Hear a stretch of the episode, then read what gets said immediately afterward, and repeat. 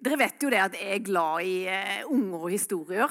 De sier jo mye rart. Er det greit at jeg begynner med en historie i dag òg? Den har ingenting med talen å si, men jeg syns den er veldig gild. For det var en liten jente som kom på fire år til bestemora si. Og denne jenta her, hun var sånn veldig grubler og tenker. Og bare lurte på ting. vet du. Så bare så bestemor at Nå tenker du på noe. Og er det du lurer på, lille Lise? Jeg kan se at du tenker på noe. Ja, jeg bare lurte på det, bestemor. Var du med i Noas ark? Nei, vennen min, sa hun. Jeg var nok ikke det, altså. Jeg var ikke det. Ja, men hvorfor drukna du ikke, da?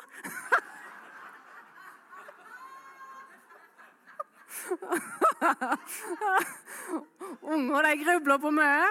Det er ikke alt en har svar på. Mm, det er herlig.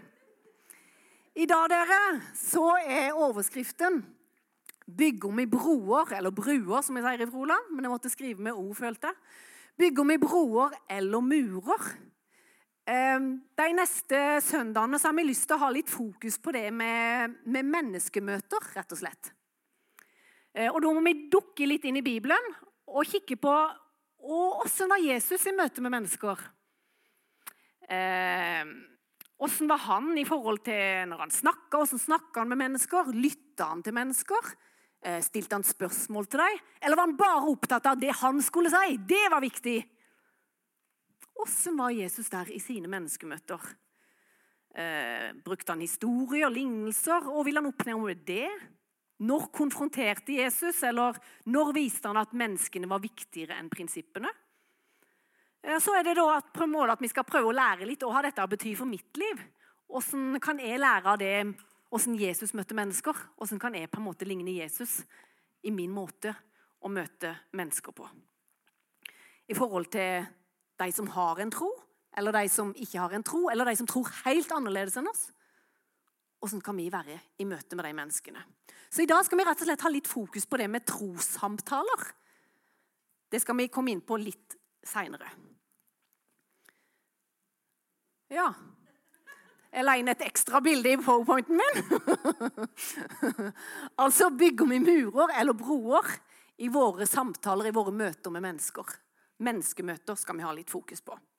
Og aller først så skal vi ha tre punkter som vi skal litt innom eh, i kveld, før vi tar en trossamtale.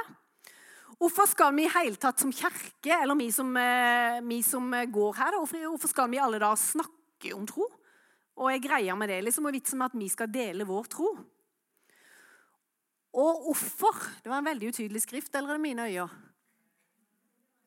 Ja, den var dårlig. Ja. Åssen kan du og det var godt det ikke var mine øyne.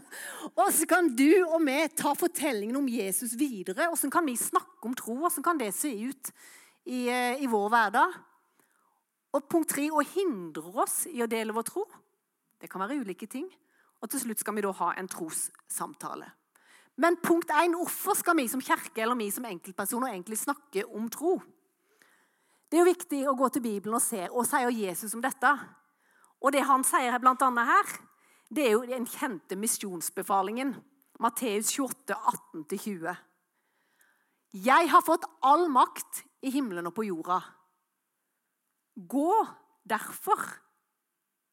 Altså, Ikke bare sitt inne i kirken deres og kos dere med deres egen tro og ha det fine samlinger og gode møter, men gå derfor. Gå derfor. Og da må vi faktisk ut og gjøre alle folkeslag til mine disipler. Døp dem i Faderens, Sønnens og Den hellige ånds navn Lær dem å leve på den måten jeg har gitt befaling om. Og glem aldri, jeg er med dere alle dager, helt til verdens ende. Altså oppfordring til å bringe denne gode fortellingen, de gode nyhetene, videre. Så at nye mennesker skal få vite hva er det egentlig kristen tro handler om. Hva er dette her med Jesus? Eh, den er det Jesus sjøl som har på en måte gitt oss. Og Hadde det ikke vært for at noen en eller annen hadde gitt det videre til du, så hadde jo mest sannsynligvis ikke du sittet her i dag. Noen må jo på en måte ha gitt det til du. Mm. Noen har gått foran oss når det gjelder menighet, troen på Jesus, at dette her må vi gi videre. Noen har gitt det til Norge. Noen har begynt å gi det ut. og vi, ser jo på en måte Det var den måten Guds rike vokste, med at mennesker ga det videre. Og så Hvordan kan dette her se ut? da? Punkt nummer to. Hvordan kan du og vi ta fortellingen om Jesus videre. For det første så tror jeg jo at det er viktig litt å stoppe opp av og til om hvem er egentlig Jesus for du? Hvem er Jesus for du? Det spurte jo Jesus eh, disiplene sine om. Eh, hvem sier dere at det er? Og Det samme spør han oss om i dag. Hvem, hvem sier du at Jesus er? Hvem er Jesus for du personlig? Ikke for alle andre, men for akkurat du. Hvem er han for du? Det er det bare du som kan svare på. Og så tror jeg det er en annen ting som er veldig viktig når det handler om å snakke om tro og, og gi Jesus videre. Å hvile i at det ikke er vi som skal overbevise mennesker eller kalle mennesker. Der tror jeg av og til vi kristne har vært litt sånn der, vi har løpt foran eh, Jesus. Vi tror at det er vårt ansvar, og vi skal vinne enhver diskusjon. For jeg må jo overbevise. Men så står det i Guds ord Ingen kan komme til meg uten at Faderen som har sendt meg, drar ham, sa Jesus. Johannes 6, 44. Og når Han kommer, står der, altså Den hellige ånd, så skal Den hellige ånd overbevise verden om synd og rettferdighet og dom. Johannes 16. Den hellige ånd som skal overbevise mennesker om at de trenger Jesus. Det er ikke din og min oppgave, dere. Ja, Skal vi bare være passive da, og ikke gjøre noen ting? Hvile i at Gud han gjør jo jobben, Hellige Ånd gjør jobben. Jeg tror det er to fallgruer. Den ene tanken er om at det er mitt ansvar at alle skal komme til tro. Så Jeg alltid god med dårlig samvittighet, for jeg gjør ikke nok, jeg snakker ikke nok, jeg vitner ikke nok, jeg snakker ikke nok om Jesus. Så skal en gå rundt med dårlig samvittighet hele tida, for det er jo mitt ansvar. Eller det er vi som skal overbevise mennesker, så jeg må på en måte ha klare argumenter hele tida. For det er vi som skal overbevise deg. Det tror jeg er den ene fallgrua. Så tror jeg den andre fallgrua er at nei, det er jo Gud som holder på med misjon, så jeg kan bare sitte her søndag etter søndag på gode møter og bare nydelig og bare kjenne det at jeg kan bare Å, det er bare meg og Jesus. Å, det er nydelig bare med meg og Jesus, dere. Jeg kan gå på konferanse etter konferanse og møte etter møte. Bare å, det er meg og Jesus. og drar jeg det selvfølgelig litt langt, men du skjønner. Jeg tror det er den andre fallgrua. Vi kan rett og slett bli åndelige egoister. Jeg tror det går an. Jeg tror det går an. Jeg tror det er viktig å tenke at åssen eh, mennesker kommer til tro, det kan se ulikt ut. Det skal vi snakke om litt seinere. Men det viktigste er at vi minner hverandre på og har tro på og ber for mennesker rundt oss. For hvis Jesus betyr noe for du, hvis du syns det med Jesus er en viktig ting, at det er viktig for deg, verdifullt for deg, og du kjenner bare at dette her vil jeg at andre skal få tak i, da blir jo det sånn en drive for oss at jeg må bare gi det videre. Jesus han betyr så mye for meg. Jeg kan jo ikke bare sitte med han for meg sjøl. Jeg vil at andre skal få lov å smake hans godhet, hans kjærlighet, hans nåde, hvem han er. Jeg må bare gi det videre. Ikke fordi at jeg skal overbevise noen, ikke fordi at jeg skal slå han i hodet på noen, men fordi at han betyr så mye for meg. At jeg ønsker at andre skal få lov å smake hvem han er. Um, du som er litt eldre her, Før når det var snakk om å dele tro, så er det fort at en kanskje kun tenkte møtekampanjer eller gateevangelisering. Altså Møtekampanjer da på en måte kom der mange Før så gjorde det det. Det kom mange mennesker inn, og mange kom kanskje til tro. Og det var ofte kanskje den som sto her oppe, som hadde ansvaret for å holde en tale. og så kom, hadde en ettermøte, og så kom mennesker til tro. Og ja, jeg tror absolutt at det kan skje i dag òg. Og det skjer rundt forbi. Men jeg tror faktisk vi kan bli litt passive på det området pga. det. At vi tenker at det er bare sånn det skal skje. For jeg tror at det er noe som heter hverdagsevangelisering òg. Hvis en kan kalle det det. Det vil si at det blir naturlig for oss å snakke om tro der vi er i vår hverdag. Snakke om tro. Snakke om det du har opplevd i helga. Snakke om ja, hvem Jesus er for deg, rett og slett. Komme i prat med mennesker om tro, de du omgås i din hverdag. Og det er ikke alltid lett. Da kommer vi inn på punkt nummer tre. For hva hindrer oss i å dele vår tro? Altså, Av og til tror jeg kanskje det som hindrer oss, er mangel på tro på både oss sjøl og tro på evangeliet. Nei, jeg kan jo ikke snakke om tro. Jeg har jo ikke alle svara. Og nei, jeg må jo vite så mye mer. Jeg må jo ha lest denne her 20 ganger minst før jeg kan snakke med noen om tro. Nei, for jeg har jo ikke Hva skal jeg komme med? Eller eh, Av og til kan det faktisk være mangel på kjærlighet i mitt eget liv til andre mennesker. Kanskje rett og slett det at det betyr ikke så mye for meg. For jeg har jo Jesus. Av og til tror jeg eh, vi er redde for å snakke med andre mennesker. For vi er redde for at det skal spore hen på, at det skal bare handle om samlivsetikk. At det bare skal spores hen på det sporet der. så Da tør vi nesten ikke si at jeg har en tro. For det er så fort at det pensler rett over på det. Frykt kan gjøre at ikke vi tør å snakke med mennesker om tro. Og av og til mangel kanskje på åssen skal jeg begynne? Åssen skal dette starte? Åssen skal det se ut? Jeg vil ikke på en måte hoppe i hodet på noen med dette. her. Åssen skal, skal, jeg begynne de her samtalene? En undersøkelse gjort blant studenter i norske byer den viser at ni av ti studenter snakker ikke eller at de er åpne om troen sin. Ni av ti snakker ikke om troen sin. Så tenker jeg, ok, Hadde det blitt gjort på våre arbeidsplasser, vi som ikke er studenter, men er i arbeidslivet, da? Tror kanskje ikke den hadde vært så veldig, veldig annerledes. Snakker du om tro på jobb, Vidar?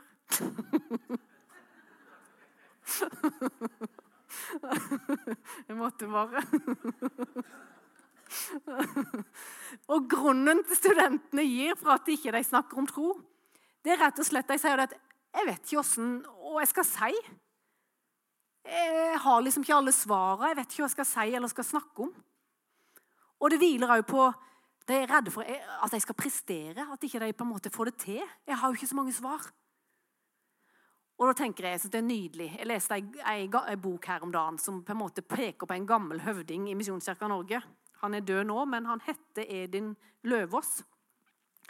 Han pekte alltid på to nøkkelord når det gjaldt eget trosliv og det å dele troa med andre.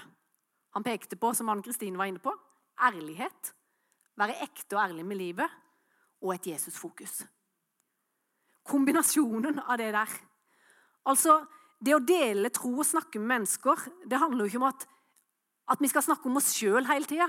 Men vet du, vi kan få lov å peke på Jesus, på Bibelen. Altså, Jesus står veldig godt på egne bein. dere.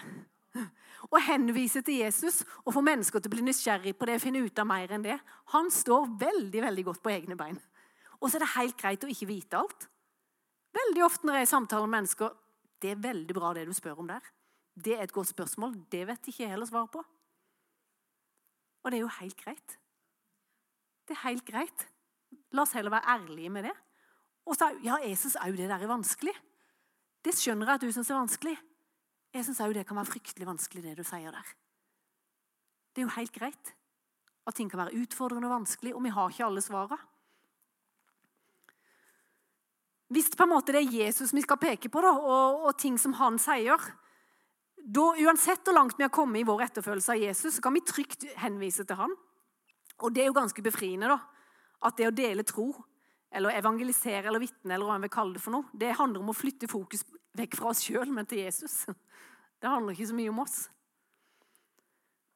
Vi kan invitere mennesker til Jesus. Som jeg sa, han står godt på egne bein. Og da kan det hende at dette kan føre til et enda større Jesus-fokus i mitt liv at jeg stadig må venne meg til Jesus. For at, eh, sånn at troen kan bli et naturlig uttrykk for mitt forhold til Jesus. At det er det det kan handle om.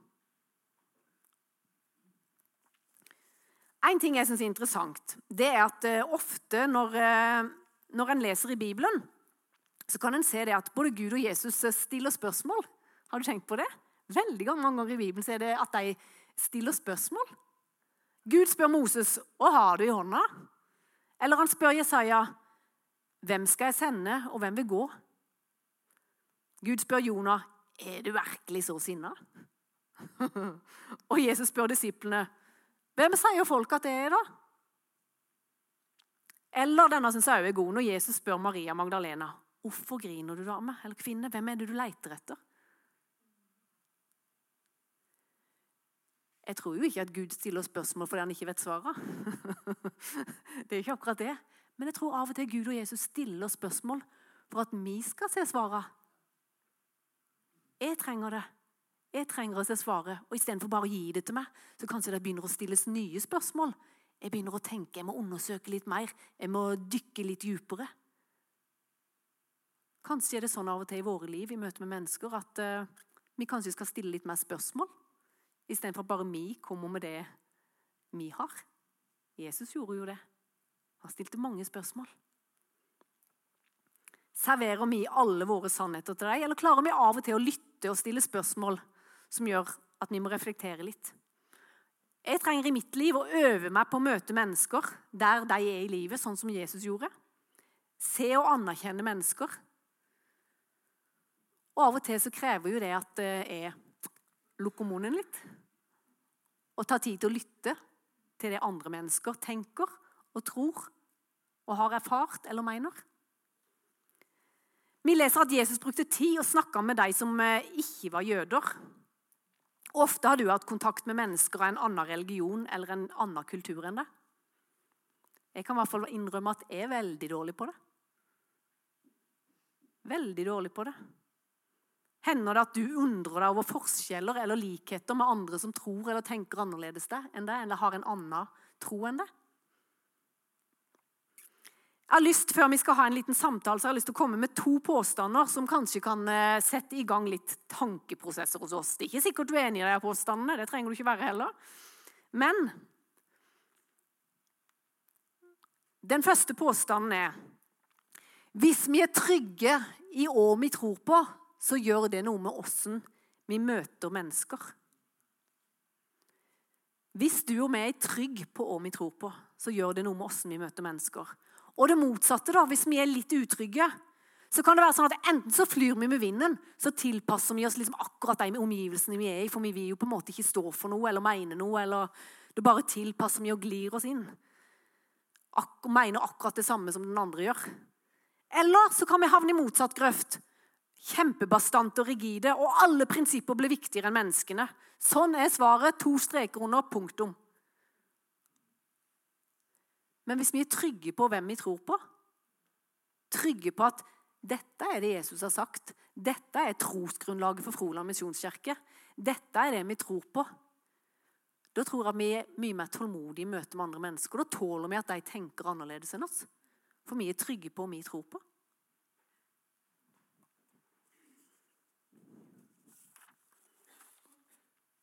En annen påstand som jeg syns er litt eh, verd å tenke over, vår kultur har akseptert to store løgner. Det første er at hvis du er enig, uenig i noen sin livsstil, så må du frykte den eller hate den. Og den andre er hvis du er glad i noen, så må du være enig i alt de sier og gjør. Begge tenker jeg er urektige. Du trenger ikke å kompromisse din overbevisning for å være barmhjertig eller møte andre mennesker. Jeg syns Martin Cave, som var her for en stund siden, hadde et kjempeeksempel på det hørte det som var, hørte at de samla inn i menigheten. De hørte at uh, i det muslimske miljøet så var det barn som ikke hadde det noe greit. De var dårlig utrusta med leker, var det ikke det? og de hadde i hvert fall lite penger. Uh, og hørte at måte det var dårligst tilstander der i det muslimske miljøet. Så samla de inn en pengegave i menigheten, og så ga de den. Det betyr ikke at de var enig i alt som skjedde der. Det betyr ikke at de på en måte eh, nei, men De var trygge i sin tro. De er trygge på at vi vil velsigne der. Vi vil gjøre noe godt. De barna, Vi vil at de barna skal ha det bra. Så her bare gjør vi noe radikalt. Vi velsigner dem med en gavepenge, eh, med en, eh, en pengegave. ikke det ganske radikalt? Jeg tenker at Hvis vi er trygge i hva vi tror på, så tør vi å våge å strekke oss veldig langt i møte med mennesker. Men vi må være trygge i hva vi tror på. Og de løgnene der det er Rick Warren som har kommet med det. og jeg synes Det er så bra. De løgnene der må vi ikke tro på.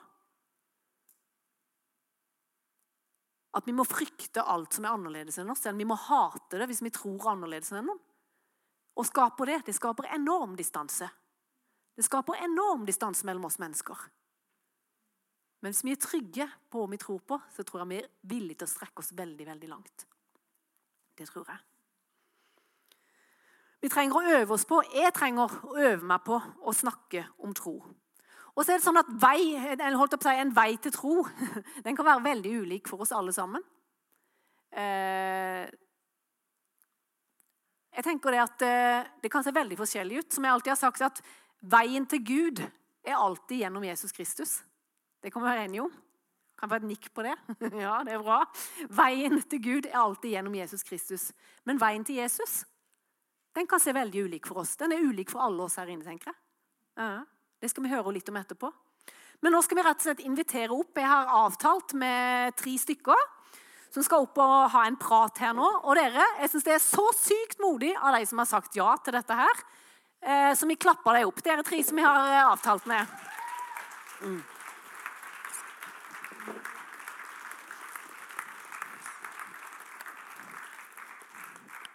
Du må sitte der. Skal vi se. Jeg legger den du får lov å holde den først. Eh, nå er det sånn at eh, Vi prøver liksom å bare glemme nå. Det er veldig lett for dere som ser rett ut. stakkar. Vi bare glemmer at nå er det fullt av folk i denne salen. For nå er det liksom vi som sitter her. ikke vel? Ja, Bare prøv, bare prøv å ha et sånn der lapper foran. Vi glemmer det. Det er lettere sagt enn gjort. Men vi er familie her. Vi heier på hverandre. Og, eh, og det vi skal gjøre nå, er rett og slett å snakke litt om tro. Eh, og Monica, jeg må bare begynne med du. For det, at det, hei. det er så sykt kult at du ble med på dette. Det er ikke sikkert alle her kjenner Monica veldig godt. Jeg kjenner deg ikke veldig godt, det heller, Monica. Nei. Nei. Jeg har på en måte sett Monica her eh, på kirka av og til. Hun er, er mamma til ei jente som er på Supersøndag. Ja. Eh, og med, som medhjelper inn på Supersøndag. Og når jeg forberedte denne eh, talen her og skulle snakke om tro og trossamtaler og sånn, så i ei uke så har jeg gått og tenkt på Monica. ja, rett og slett. Og jeg må bare si, Monica, det var gørrskummelt når jeg ringte til deg. For jeg tenkte Og vil Monica tenke og tro? liksom, Hei, det er Kristine Laurak som ringer. Eh, jeg visste ikke om du kjente meg en gang igjen. ikke sant? Jeg bare, ja, Pastor i Froland misjonskirke. Vet ikke om du husker meg. men eh, for Jeg hadde så lyst Monica, å, å invitere du med inn i en trossamtale. Ja, for, Takk for det. Ja, det er så, så kult. For, eh, og jeg skjønner at du kan synes det er skummelt. Jeg synes det er skummelt, for jeg, her sier du mye fra en hel gjeng. Nei, det skulle vi glemme, ja. ja. Ja, det var det vi skulle gjøre. Ja? Men det, ettersom jeg har forstått, Monica, så, så syns du det med tro det er litt vanskelig. Veldig vanskelig. Ja. ja. Kan, du, kan, du, fortelle litt? Altså, eh, eh, du er her på kirka. Først, Hvordan begynte det? Liksom? Hvordan begynte det at du kom her? Jeg har to veldig gode venninner, som Veronica og Solfrid, som går her. Mm. Um, og eh, jentungen kjenner jo mange barn som går her, og syns det var veldig gøy. Da tenkte jeg ok, da får hun leke der, og så får jeg henge litt med de venninnene mine. Og da ble jeg sittende og høre på prekene deres eller, ja, uh, nesten hver søndag. Så ble det bare til at jeg hang her, og så ble jeg kjent med flere. Så ble jeg jo da spurt om å være med på Supersøndag. Uh, ja, så da er jeg litt involvert forskjellige steder. Da. Så bra. Ja. Så bra. Men eh, ja, jeg har jo følt meg litt som en inntrenger, da. For jeg har, har ikke helt den um, faste troen som dere har. Mm. Um, så jeg har følt litt på det. Mm. Og det syns jeg er så kult at du ble med her i dag, for det er jo akkurat det jeg er ute etter.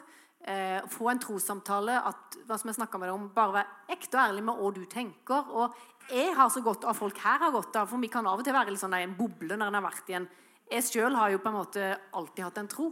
Eh, og vokst opp i det. En kan bli sånn en boble. Jeg har veldig godt av møte og snakke med noen som eh, stiller, ja, har, lurer litt og sånn. For du har sagt at du, du har ikke en klart definert tro. Nei, det har jeg ikke. Jeg er åpen. Jeg, er jo, jeg fornekter ikke. Um, og Det er derfor jeg kommer hit og hører på. Jeg har jo sagt at jeg likte jo en preken du hadde veldig godt, og den traff meg. Så det er jo noe Det som jeg sa til deg, at Eh, jeg ber jo til Gud hver gang jeg skal ut og fly. Ja. Jeg må komme trygt ned igjen. Ja. Så noe er det vel kanskje. Eh, og vi kommer jo alltid trygt ned, så da tenker jeg OK. Ja. Passer han på. Men eh, nei, jeg vet ikke, jeg er fra Oslo. Flyttet til Froland for ti år siden. og her er det jo veldig kristen samfunn i forhold til der jeg er oppvokst. Gud og Jesus har jo aldri vært en del av min familie eller hverdag. Så det ble det Ja, Katrine Hortemo var en av de første jeg ble kjent med når jeg flyttet hit. Da var hun gravid. så, så ja, så det var jo min første møte egentlig med kristendommen sånn ja, helt og holdent her, da.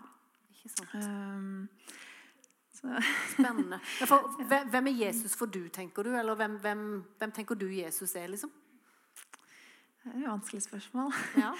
Han, eh, jeg tenker at han er en del av mange andre. Mm. Um, litt vanskelig at han er en del av meg. Altså, Jeg er jo veldig misunnelig på alle dere som har den sterke følgesvennen gjennom livet og hverdagen og i gode og onde stunder. Jeg har jo på en måte bare kraften i meg selv. Mm. og det har jo ikke alltid vært like lett heller. Det er jo det er kanskje litt pga. Uh, oppveksten, barndommen. Den har ikke vært så lett. Så kanskje, kanskje det er det som har noe Men jeg, som sagt, jeg er åpen, og jeg er jo veldig for medmenneskelighet og liksom godhet. Og ja, gjøre det man kan for andre. Ja, ikke sant? Så de på en måte, verdiene som du tenker at den kristne Ja. tro har, det er noe du syns er bra? Ja, det er jo kanskje folk spør hvorfor går jeg her i det hele tatt. Og det er jo det de, Jeg ser jo alt det gode dere gjør for, eh, for ungdom og barn og voksne. generelt. Altså, jeg bodde i samme gate som Katrine Hortemo, og hun skrev plutselig Nå har jeg bare kringle. kom og hent. Ja. Altså, jeg var sånn Jøsseland, fins det sånne folk. ja ikke Så, sant? så jeg, det er veldig, setter jeg veldig stor pris på. Det er det på en måte, derfor jeg kommer hit. da. Um, for jeg syns det er et veldig behagelig sted å være. Mm. Det gjør jeg. Veldig hyggelige mennesker. og De tar meg, har tatt meg godt imot. Noen vet jo at jeg ikke er så veldig personlig kristen eller troende. Men allikevel så har ikke det hatt noe å si for de, da. Nei, det, du er veldig velkommen. Ja. Ja, tusen takk. Men som sagt, jeg, jeg fornekter ikke, og jeg er åpen. Um, men det er litt vanskelig. Ja. Det er det. Og det syns jeg er så bra at du tør å være ærlig på. Ja. Det, det er jo det på en måte jeg sa når vi skulle ha denne samtalen, at det er vanskelig. Og, jeg- men jeg, kan du på en måte klare å sette ord på Er det noe spesielt du syns er vanskelig? Det er jo det konkrete eller sånn som står at han um, Nå har ikke jeg lest Bibelen så veldig, da. Nei, nei. Um, men at han på en måte skapte, skapte jorda og lys og mørke og mm. at, hva var det? Var det Adam som var fra leire? Nei. Mm, ja, ikke sant? Ja, er sånn, ja. det er litt sånn vanskelig å svelge, da. ja ikke sant? Ja, kan dette. Ja. Så det er litt sånne ting. Ja. Og det skjønner jeg. Um, ja. Eh, Jeg fikk jo som sagt eh, Ida her, hun ga meg jo Plutselig så hang, var det en bibel på døra mi. Det var veldig koselig. Fint skrevet kort. Og jeg sa jeg kunne gjøre hva jeg ville med den bibelen. Det var, så jeg leste jo litt i den. Men som sagt, det begynner jo, Bibelen starter med at Gud skapte jorda på syv dager. Og da tenkte jeg ok, jeg må ta en liten pause. og så, så begynne igjen. så, ja. Men som sagt, jeg er veldig misunnelig på dere som har, har det med dere hver dag i hjertene deres. Det, jeg skulle ønske jeg, kan det. Så vi får se. Ikke sant? Og det var Men dere får det trua be for meg. Ja, ja, men det er jo det er her vi får lov til det. Ja, veldig gjerne. Ja, men er det er så fantastisk at du, du sier at du opplever det godt å komme her. Og for, for meg som pastor da, så er det kjempeviktig at du Vi ønsker jo alle skal få lov å komme her, om du har en tro eller ikke tro, om du er trodd så lenge, tror mye, tror lite. Så at dette skal være en plass en kan komme med hele livet. I alle slags dager, som eh, Ann-Kristine innleda med, om at uh, hun har, på en måte, livet har vært litt tøft. Men da på en måte ønsker en at alle slags dager skal dette være en, en plass en kan få lov å komme. Eh, og jeg synes Det er så bra at du tør å være ærlig på at ja, dette er vanskelig, men det virker jo som du er litt nysgjerrig på det òg. Jo da. Det, det hadde jo vært deilig Ja. å kunne omfavne Ja, ikke sant? og ikke være Ja, ha noen med seg. Ja. Så, men ja. Så ja, jeg jobber med det. Ja, ikke sant? Og det er jo noe som eh, på en måte er som jeg sier friheten i det med troen òg, at det er noen som bærer med. At ikke jeg skal være den sterke alltid. At jeg skal fikse dette livet. For det at eh, alle som har levd litt, grann vet at alle dager ikke blir lette. Definitivt. Ja. eh, og da er det noe med at eh, ja, Som jeg ba i stad, takk at troen bærer med. Det er nettopp det som hadde vært veldig greit. Ja, ikke sant? Ja, men det, ja, ja. Og det, det Det er på en måte en hvile i. Mm, det er det. Det, Så derfor så fortsetter jeg å komme her og Ja, hjelpe men til med Supersøndag er og. Hallo, venn og alt. det er og- herlig. ja. Ja. Og så skjønner jeg så det, er så, ja, det er ikke veldig bra, det er modig. Det skal jeg si deg noe, Monica. At mange av de som sitter her i salen, har kanskje vært troende i 30-40 år, men hadde aldri tort å sitte her. Så du er faktisk mye modigere enn mange av dem. ja, ja det, det er sikkert. Og så har jeg snakka mye om at, eh, at eh, når vi har hatt denne samtalen her, så er det ikke sånn at 20 stykker skal hoppe i hodet på du etterpå. Og, Jeg var litt redd for det. Ja. Du skal få lov å Jeg er være ikke Monica. velkommen neste søndag. Ja, du skal få lov å være Monica som bare går her i menigheten og få lov å være underveis med din tro. Ikke sant? Det er kjempeviktig. Og som både jeg og Katrine sa, eh, at eh, du risikerer bare at folk blir litt mer kjent med deg og kanskje litt mer glad i deg. Ja. Så, så det Eh, Jeg tror vi hopper litt videre til, til Renate. Og så Ja, vi bare en klapp for henne.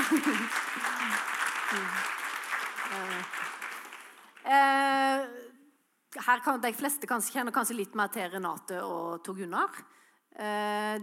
På en måte litt at dere har invitert opp dere her, er det at vi sa eh, veien til Gud er alltid gjennom Jesus. Men veien til Jesus den kan se ulik ut. Eh, og deres to vei til Jesus har jo vært helt ulik. Og Derfor på en måte var det noe jeg ønsker å invitere dere to for det at du får fram forskjellene. For at ofte kan det være litt sånn i møte med mennesker, eller sånn en sjøl kom til tro, så er det ofte en tenker at sånn må alle andre òg komme til tro. For sånn ble jo jeg møtt. Men det å få fram ulikhetene, at det kan se veldig ulikt ut. For, eh, for du, Renate, åssen var den eh, veien din? Nei, den har vært litt eh, bølgete. Litt svingete. Um, mamma har vært i frikirka i oppveksten. Pappa var lommelender. Uh, så når de gifta seg og han meldte seg ut, så snudde de egentlig ryggen til troen begge to. Men jeg har vært i, på søndagsskolen, jeg har vært på Fregatten, jeg har hatt ungdomstida mi i Maxiklubben, jeg har vært i et kristent gospelkor. Så jeg har alltid hatt liksom én fot innafor, men aldri ment det helt, tror jeg. Og syntes det var litt skummelt. Eh, så når eh, jeg traff eh, Jorunn Vatne, så skjedde det noe. Da ble jeg nysgjerrig. Da ble du nysgjerrig. Ja, men jeg stritta imot Ja. så godt jeg kunne. Hvorfor ble du nysgjerrig, tror du? Ehm, fordi at jeg ble møtt med så omsorg. Jeg ble sett. Eh, kjærlighet. Aksept. Eh, ikke noe press, ikke noe bibelvers. Altså Alt det jeg trodde det skulle være å bli kristen, det, det var jo ikke der. på en måte. Nei, for Du snakka litt om det. Hvordan trodde du det var å bli en kristen? Nei, Jeg trodde det var strengt. Jeg trodde at der måtte jeg på en måte kvitte meg med gamle venner og gamle vaner og følge noen, noen linjer. og At det var kjedelig. Ja. Jeg trodde det var kjempekjedelig. ja, Da var det ikke noe for Renate? Nei. Nei. Da måtte du bli en helt annen. En Ja, det var liksom det jeg Renate. så for meg. At jeg måtte si nei til mye. Og um, ja, det var ikke, jeg hadde ikke lyst til det. Jeg hadde ikke lyst til å miste meg sjøl for å kanskje, kanskje tro på noe som kanskje var der, liksom. Og så bare sneik det seg inn, da. Ja, For hos du var det en, en prosess? Mm. Ja. Mm.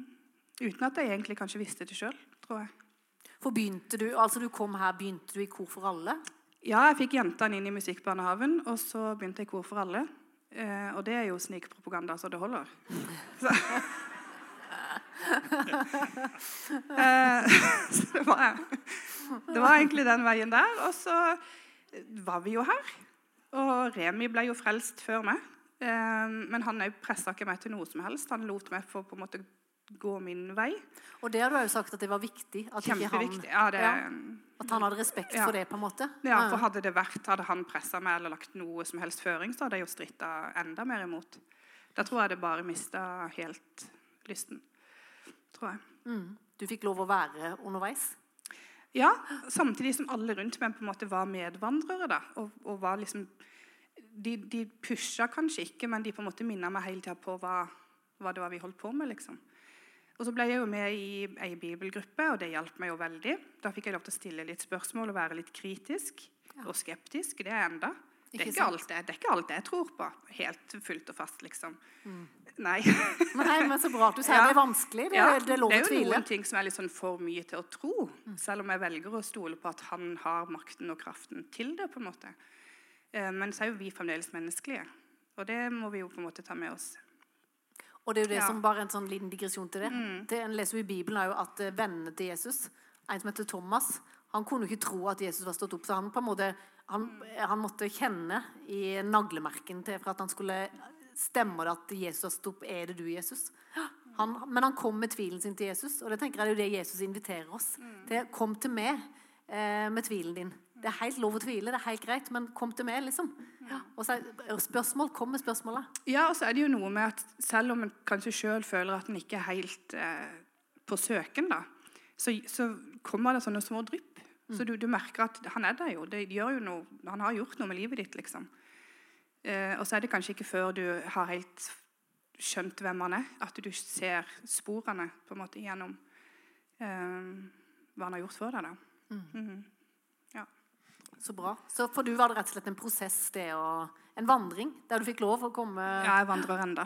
Ja, det gjør vi vel alle. Absolutt. Det gjør vi alle. Jeg har kanskje litt snøring på kompass Ja. akkurat nå, men eh, fremdeles vandring. Ja. Ja. Men det er jo det som er så fint, egentlig, for det Jesus spør oss om, det han spurte disiplene om, det er jo 'følg med'. Følg med, så vi får lov å gå etter Jesus. Og da lærer vi jo på en måte, Jo lenger en følger han, jo mer på en måte får en se hvem han er. Lære nye ting, oppdage nye ting. Jeg tror aldri, En blir jo aldri utlært. Nei, Så det, det følger med. Så, mm. Ja, og det snakka vi litt om sist. Det er jo dette med måten det ble gjort på. At For meg så var det helt riktig at det var bare omsorg og kjærlighet. At ikke det var bibelvers og på en måte litt sånn den konforme greia. da. Så det, det, det, det er sånn jeg tenker videre òg. At hvis jeg skal på en måte klare å fortelle og dele min tro med noen, så må det jo være gjennom den jeg. Mine handlinger og omsorg for andre. eller... Jeg er ikke noe, eh, jeg er ikke noe gatepredikant. Nei, men det, nei. Nei. og det er jo det som er så bra. Vi kan på en måte treffe ulike mennesker. da, For at eh, du ble møtt. Det gjorde noe med du, den omsorgen og kjærligheten du opplevde. Og det å bli sett. Ja, og så må jeg bare si en ting. For jeg trodde jo ikke at jeg var frelst. Jeg trodde jo ikke at jeg hadde jo ikke hatt noen sånne kjempeopplevelse eller merka det på kroppen eller lys og lyn. og i det hele tatt. Det og det var det jeg trodde. Det jeg trodde ja, jeg skulle trodde kjenne det. det. ikke sant? Ja, At det var lov å være rensa og ny. liksom. Ja. Og så står jeg her i kafeen, og så kommer Bjørn Laurak og så sier han, men eh, skal ikke du bli frelst, Renate? Og han fortsatte mange ganger. Så jeg, nei, nei, det har ikke skjedd noe ennå, gitt. Og så sier han, men tror du på Jesus? Så sier jeg, ja. Ja, men da er du frelst, da. Hæ, er det så enkelt? Jeg Ja. bare, hæ? Jo, jeg gjorde ikke det. Jo, hvis du tror på Jesus, så er du frelst. Det var kult. Det, ja, men det er jo litt, Vi tenker av og til det skal se sånn og sånn ut. Eller, ja, og det, det kan jo være ulikt. Det. Noen kan ha en veldig følelsesopplevelse. Men det var det Men trenger ikke få. være det. Ja, ikke sant? Så da kunne ikke du være noen kristen, for du hadde ikke Håret sto ikke rett opp, liksom. Nei. Veldig bra, Renate. Fantastisk. Veldig glad for at du er her. Ja, og da Ja, en klapp for henne. Og Tor Gunnar, du er en høvding her i menigheten, vet du. Ja, det er du. Ja.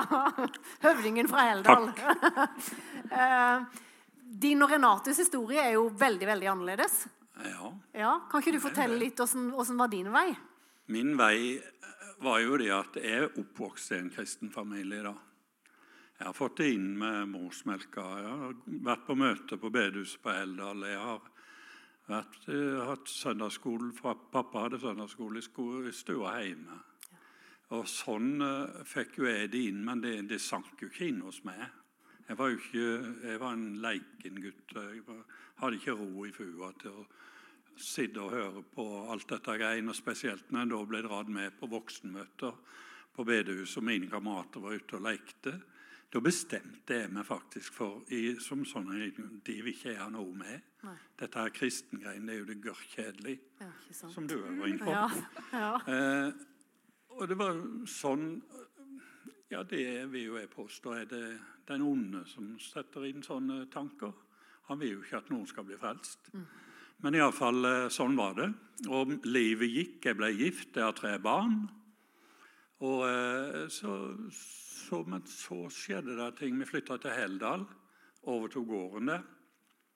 Så var det en gutt i nabolaget som drukna. Det var jo knalltøft. Så var, og så var det ikke så lenge etterpå så ble jeg og kona skilt. Det var knalltøft. Og så begynte ting å skje, for dette var i 1998. Og så var, var jo ungene med i, i kor her.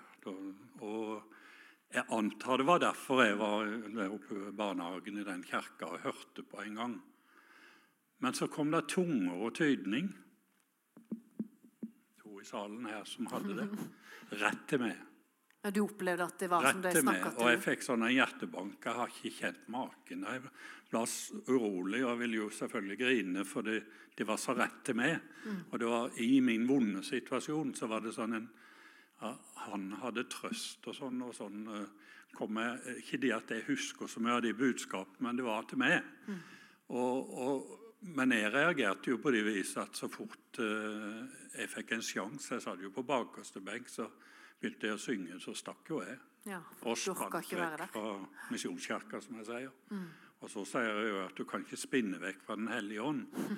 For det har jeg jo erfart etterpå. da, for Så gikk det ei tid til. Jeg kunne sitte sammen med mine venner og, og feste i helgene og, og vitne for dem de der rare greiene med det der tunge og tydning, og jeg ble så rar inni meg, sa jeg. For jeg var full, vet du. Da snakka jo jeg rett ut av Ja, ja. Veldig lett. Du snakker jo lett nå, så Ja, ja, men nå er jeg full av noe annet. Halleluja. Nei, så, sånn, sånn var jo det, da. Så, så var jeg øh, ute hos foreldrene mine. De var flytta til Reddal da, ute i Grimstad. Var vanlig familiesamling. Broren min sitter jo der, og vi var jo der hele gjengen. Og, og så rigga han og kjerringa seg av gårde, for da pleide de å reise til kirka. Og det var jo sånn en, en times tid eller en halvtime før. Og så, og så kjente jeg det oh, Må ikke mamma begynne med det der fæle maset? Det ble så, det ble så vondt inni meg. Hun pleide å mase. 'Stikk ned' og sånn. Og det var, jeg var så trassig, vet du. Hadde jo aldri gått til kirka hvis jeg hadde, hvis jeg hadde blitt mast på. Men jeg stakk av gårde før de reiste nedover mot Grimstad. Begynte ut med Rissdal der med motorveien. Der var det jo ikke sånn da. men Det var biler til salg, så jeg var interessert i bruktbiler. Sto og kikka. Og, så de, og der kjørte Jostein og Beate forbi. Aha, nå kjører de til kirka. Du kan jo pigge med, kom det en tanke. Sånn, jeg, som jeg sier, jeg følte det var en tanke som var på den sida, og så kom det en tanke på den sida. Nå må du slutte. Nå må du reise. Du har bestemt deg for å gå og besøke tante og onkel til eksen. Det var det jeg hadde bestemt meg for i Arendal. Nei, men du kan jo pigge med, kom den andre godstemmen, eller som jeg kaller det. Det er jo, det er jo ikke farlig. Det biter jo ikke. Merkelig greie.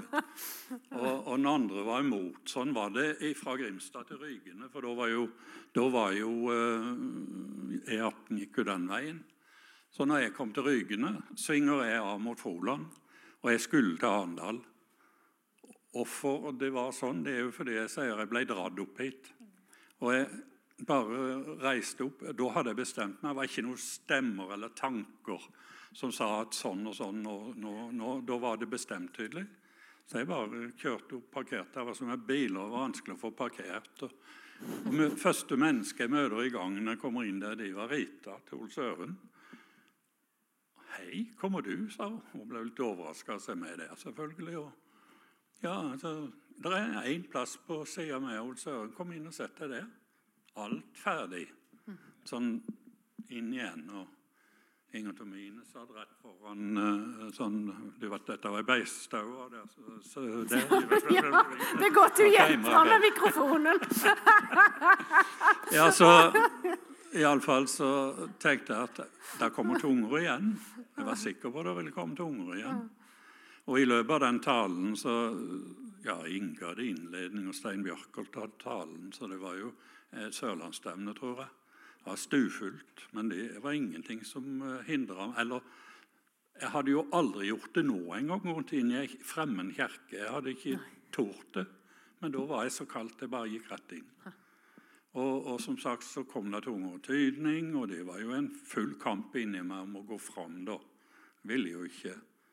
Det var innbydelse til frelse, det var innbydelse til alt, alle behov, sånn som det pleier å være hvis noen vil bli bedt for. Så, gikk, så fikk jeg se sø- eldste sønnen min, Aslak, kom fram i forbønnskøen. da. Og da var det jo noe som brast inn i pappahjertet. da. Så gikk jeg fram og så, så holdt jeg rundt han, da. Men eh, folk rundt meg begynte jo å reagere. Bjørn der nede begynte å reagere på Gikk han fram for å be for sønnen sin, eller, eller gikk han bare skulle bli frelst? Han var jo opptatt av det, og så sa det jo sånn at Inger Tomine hørte som var er fra Heldal. og så Han skulle nok bli frelst, trodde hun, ja. Så, så eh, da tok han tak i meg. Og da fikk jeg da be en frelsesbønn. Og jeg grein mine så snørret hårer. Og kjente ingenting. Altså, Det er jo rart. Grine og kjenne ingenting. Men det var sånn, altså, sånn var det. Jeg var dypt fortvila i den situasjonen jeg var. men og, og grein min motor. Så tok han meg inn liksom, til siden, og, og så forklarte han en gang til. Nå kom han inn på akkurat det samme. Ja, for du tror på Jesus? Ja, ja, ja, jeg var jo oppvokst det jeg trodde jeg var. Så ja, nå har vi bedt dette. At han skal komme inn, og han skal rense det, og han skal ta vekk all synd, og alt, og alt skal, ja, skal frelse det. Ja, jeg var helt enig i allting. Og så sier han da helt på slutt Men da er jeg 100% sikker på at du er frelst. Ja. 100 Og var, Altså 100% Da, da skjedde det noe inni meg som ikke jeg skjønner sjøl, men det, er jo, det har jeg jo hørt i etterkant. Jeg ble født på ny. Og det første jeg gjorde, det var å ringe mamma og si at jeg var frelst. Oh, ja. Og der har du Du tar imot i hjertet, og du bekjenner med munnen, så blir du frelst. Fantastisk. Ja, så enkelt.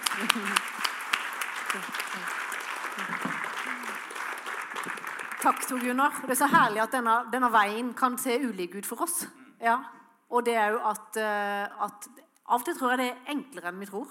Hadde vi spurt noen mennesker hvis du betalte 10 000 for å bli frelst ikke sant? Kan vi, kan, vi gjøre en gjerning? Kan vi gjøre noe? Det For oss mennesker så, så hadde det vært lettere, nesten. Liksom. Kan, jeg, kan jeg gjøre noe? Men at det er en gave som vi bare kan ta imot. Bare si ja til. Liksom. Det, blir, det er nesten sånn at vi kan ikke tro det, for det, det blir nesten for enkelt. Ja, ja come on. Jeg bare glemte, nei, jeg sa i stad at eh, kommer fra Oslo, og da har ikke Jesus vært så mye til stede. Men jeg løy, eller jeg glemte noe. og det var, eh, jeg hang jo faktisk en del i kirken eh, i min ungdomstid. Det er ikke så lenge siden. Nei, nei. Eh, jeg, eh, det var Vålerenga kirke, en prest som het Einar Gelius. Han konfirmerte meg, og han var en veldig gøyal Ja. moro prest. Så, eh, så det var jo selvfølgelig snakk om litt Jesus og Gud, og så men han gjorde ting eh, veldig forståelig og gøyalt for oss. da. Morsomt. Så der hang vi, hang vi hver, eh, hver søndag, egentlig. Og vi spilte, og vi hadde kor. og Jeg, jeg har sunget i TenSing. Jeg er veldig glad i å synge. Ja, ikke sant? Så- Ja, ja. Nei, nei, nei. Ja. ja. Så ja. Så jeg er døpt og konfirmert og gift i kirken og, og skilt, dessverre. Men sånn er det. Sånn er livet. Eh, ja, så jeg, jeg glemte Einar Gelius. Ja, ikke sant? Ja, Ja. så det. Og det er jo litt interessant, for det er noen som tror at uh, skal jeg bli kristen, eller skal jeg være kristen, så eh, det er nesten sånn at det, det er ikke lov å le lenger, liksom. Du må, du må være så alvorlig, og at liv, da stopper livet, liksom. Og tenker jeg for min egen del, hadde ikke jeg vi snakka jo litt om det at vi var litt like kanskje av og til. Litt mye armer og bein og mye liv. ja. Og det, det er noe med det hadde, hadde det å være kristen på en måte vært at jeg måtte bli en helt annen person enn den jeg er, så hadde det ikke hadde ikke vært for noe for meg heller. Nei. Og det altså er en helt rolig og stille person i utgangspunktet, så skal du få lov å være det. Men er du full av liv, og så har du lov Og det var jo det vi snakka om at vi snakket litt om at det er litt rart å komme inn kanskje og se at uh, en står med hendene løfta og synger og alt sånn. Uh -huh. Der var femmeren putta på. Men det er jo noe med at vi er, For det, jeg var jo veldig redd for det. At, at at nå skulle livet bli kjempekjedelig fremover. Men så er det jo det at han har jo bruk for oss der vi er, som vi er. Er du en klovn, ja vel, så når du de. Er du en stille omsorgsperson, så når du de. Er du praktiker, så må altså, Så det er jo noe med det òg. Veldig bra. Ja. Helt sant. Ja, veldig bra. Og så er det jo noe med det at eh, hvis, eh, hvis noen her, eller noen av oss, er ivrige Jeg vet ikke, jeg er jo veldig glad i fotball. Ja, så jeg er jo ikke en annen enn på fotballbanen enn den jeg er her. for å si det sånn. For det at jeg er på fotballbanen, så uh, jeg er der, liksom. Og Jesus han eh, betyr jo mye mer for meg. Så det er noe med å få lov å uttrykke det inn i ei kirke òg. hvis jeg bare skulle være sånn. Også for noen så er det veldig naturlig å bare være helt rolig. Og de skal få lov til det. Ikke sant? De kan juble inni seg. Mm, ja, det er jo lov. Nå har jeg ikke fulgt med på noe klokke eller noen ting. Nå kom det en melding fra Gunn Lisbeth fra Spania. Halv sju, ja. Eh, ja. Men jeg tror vi sier tusen hjertelig takk for praten, og så skal vi etter hvert gå over i nattverd. Ja, En applaus for deg.